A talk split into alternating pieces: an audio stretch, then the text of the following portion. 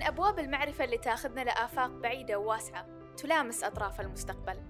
هنا بودكاست مد من إنتاج مستقبلي واللي بيطرح في هالموسم أسرار وقصص تكونت من خلف الكلمات. قد تكون مرت على مسامعكم وقد تمر للمرة الأولى اليوم.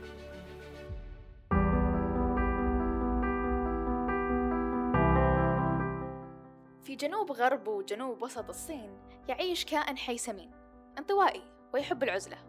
ملون بأبيض وأسود وكأنه طالع من فيلم لعمر الشريف وفاتن حمامة شغله الشاغل هو السدح على ظهره ومضغ سيقان البامبو لكنه خفيف الظل وهل لكم أن تتخيلوا بخفة ظله وين وصل وش صار يمثل؟ نعم يا أصدقاء الباندا أصبح يعتبر أحد سفراء الصين إلى الغرب وأحد أقوى الأسلحة التي استخدمت لبناء القوة الناعمة للصين تدروا أن الصين تدفع سنويا ملايين الدولارات لحماية الباندا وتوفير احتياجاتها؟ هل سألتوا أنفسكم من قبل ليش كل هالقد مكرسين موارد للباندا بالذات من بد جميع الحيوانات الأخرى المهددة بالانقراض؟ هل هو حقا يستحق هالشي ولا لمجرد سواد عيونه؟ يقول خبير الباندا البرية في بكين البروفيسور وانغ داغن تعد الباندا من أكثر الأنواع حظا على وجه الأرض من بعض النواحي لكن مو كلها فالسبب وراء حماية الناس للباندا ما يتركز على كونها مهمة من الناحية البيئية ولكن لأنهم خفاف الظل ووجوههم لطيفة ولهم أهمية سياسية في بداية عام 2019 اثنين من جامعة أكسفورد لاحظوا وكتبوا عن وجود تناغم غريب عند الصين ما بين الأحداث السياسية والتجارية وإعارتهم دببة الباندا لبلدان أخرى. وش تاريخ هالعادة وليش وكيف وين وش الفلة في إنك تعطيني باندا وش كبرى أبتلش فيه؟ في نهاية القرن السابع أرسل إمبراطور الصين زيتيان اثنين من الباندا لإمبراطور اليابان تنمو كهدية دبلوماسية. تبادل الهدايا الدبلوماسية هي عادة يتصف بها السياسيون وقادة الدول. من باب تقوية الروابط وإظهار الدعم للطرف الآخر. بحيث إذا زار أحد القادة دولة معينة يقدم هدية لقائد تلك الدولة ويقوم الآخر بدوره بذات الفعل. حتى أن الموضوع يصل للمنافسة أحيانا. منافسة حول من هديته أحلى أعلى قيمة أكبر أو مهددة بالانقراض. قد تكون أشهر الأمثلة على هذا الحدث هو زيارة الرئيس الأمريكي الأسبق ريتشارد نيكسون وزوجته المولعة بالباندا باتريشا نيكسون للصين عام 1972 واللي تم فيها تبادل الهدايا الدبلوماسية. ولك أن تتخيل نوع هذه الهدايا. حيوانات مهددة بالانقراض طبعا. لم تكن الروابط الصينية الأمريكية قوية في ذاك الوقت بل كانت متوترة إلى حد ما حتى أن الرئيس نيكسون زار الصين بغرض إظهار رؤية جديدة تصب في مصلحة الطرفين. انتهت الزيارة بإعلان الحكومة الصينية أنها راح تقوم بإرسال زوج من الباندا إلى الحديقة الوطنية في العاصمة واشنطن. كان ذلك حدثا ضخما. تكلل بحضور زوجة الرئيس وحوالي عشرين ألف شخص لمشاهدة الضيفين. سينغ سينغ ولينغ لينغ يدخلان إلى منزلهم الجديد في أقصى غرب الأرض. تحت ظل إجراءات أمنية مشددة وكأنهم أحد رؤساء الدولة. وصح في المقابل أرسل الرئيس نيكسون اثنين من ثيران المسك إلى الصين. طبعا بإهداء الصين لأمريكا هذا الزوج من الباندا فهي أعطتها فرصة عظيمة لإجراء دراسات على الباندا سلوكها صحتها تكاثرها هل استمرت الصين في إهداء الباندا؟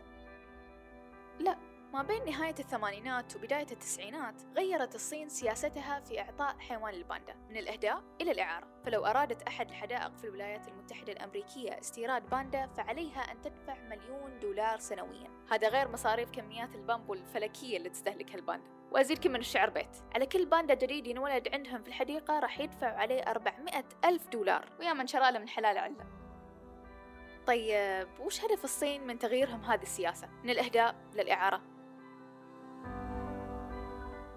أكيد اللي جاء في بالكم أن هدفها من التغيير هو الربح صح؟ أه تقريبا لا في عام 2010 عندما التقى الرئيس الأمريكي السابق باراك أوباما بأحد أشهر أعداء الصين الدلاي لاما طالبت الصين بإرجاع كل الحيوانات التي أعارتها لأمريكا كتعبير عن غضب الحكومة الصينية حول هذا اللقاء وأيضا في عام 2013 عندما زار الدلاي لاما النمسا هددت الصين على الفور بإرجاع دب الباندا الذي كان في قصر شونبرون في فيينا والذي يتمتع بشعبية كبيرة كونه من أقدم حديقة حيوانات في العالم. يعني لو كان الهدف ربحي بحت كان الصين ما طالبت بإرجاع الباندا أبدا واستفادت من مبلغ إعارته. إلى جانب العشرات من الأمثلة الأخرى لدبلوماسية الباندا. توضح لنا حالات مثل هذه كيف تحول هذا الدب خفيف الظل إلى أداة سياسية خارجية قوية. ومن حيث النظرية الدبلوماسية فنشر دببة الباندا في بلد آخر ممكن يعني أن الدولة الأخرى تقبل امتداد الصين على أراضيها.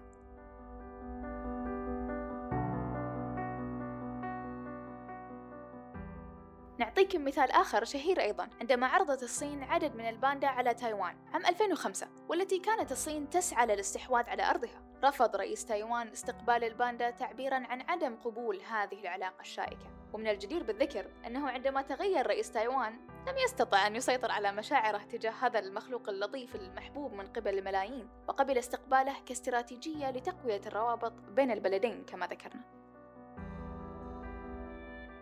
شايفين لأي درجة هذا الدب اللطيف قدر يسيطر على مشاعر الكثير من البشر؟ لدرجة أن أطباء الأعصاب راحوا وحققوا في سبب انجذابنا للباندا بهالشكل النظرية معروفة باللغة الألمانية باسم كينشيما. واللي تنص على أن تشابه دببة الباندا مع الأطفال هو اللي يشدنا لها. مثل خدودها السمينة مشيتها المتساقطة تمشي خطوة وتطيح عشر. عيونها وأنفها المتضخمين هذا كله يحفز سلوك الرعاية عند الإنسان وكأن أدمغتنا تشوفها أطفال. وضع الصين للباندا في أغلب أنحاء العالم يضيف قدر هائل إلى قوتها الناعمة. وفقا للتعريف الكلاسيكي للقوة الناعمة الذي صاغه أستاذ جامعة هارفارد جوزيف ناي فإن الدولة تجعل نفسها جذابة من خلال ثلاث طرق رئيسية ثقافتها، مؤسساتها السياسية، وسياستها الخارجية. فتقوم وسائل الإعلام الحكومية الصينية بنقل عدد لا يحصى من مقاطع الفيديو لسلوكيات الباندا اللطيفة في محاولة لجعل الصين تبدو ناعمة ومحبوبة للجمهور العالمي.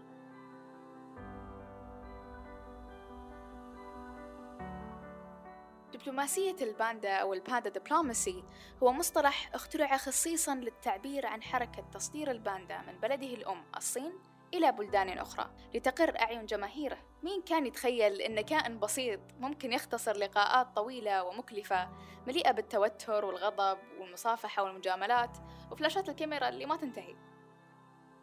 في النهاية في مقال بعنوان أكيد سفير في العالم ذكر فيه أن سفير الصين في الولايات المتحدة الأمريكية كوي تيان كاي قال في الحقيقة هناك سفيران في واشنطن أنا والباندا في الحديقة الوطنية. لا تنسى تشارك هذه الحلقة مع شخص يحب الباندا. إحنا موجودين على تويتر وإنستغرام. حساباتنا في وصف الحلقة.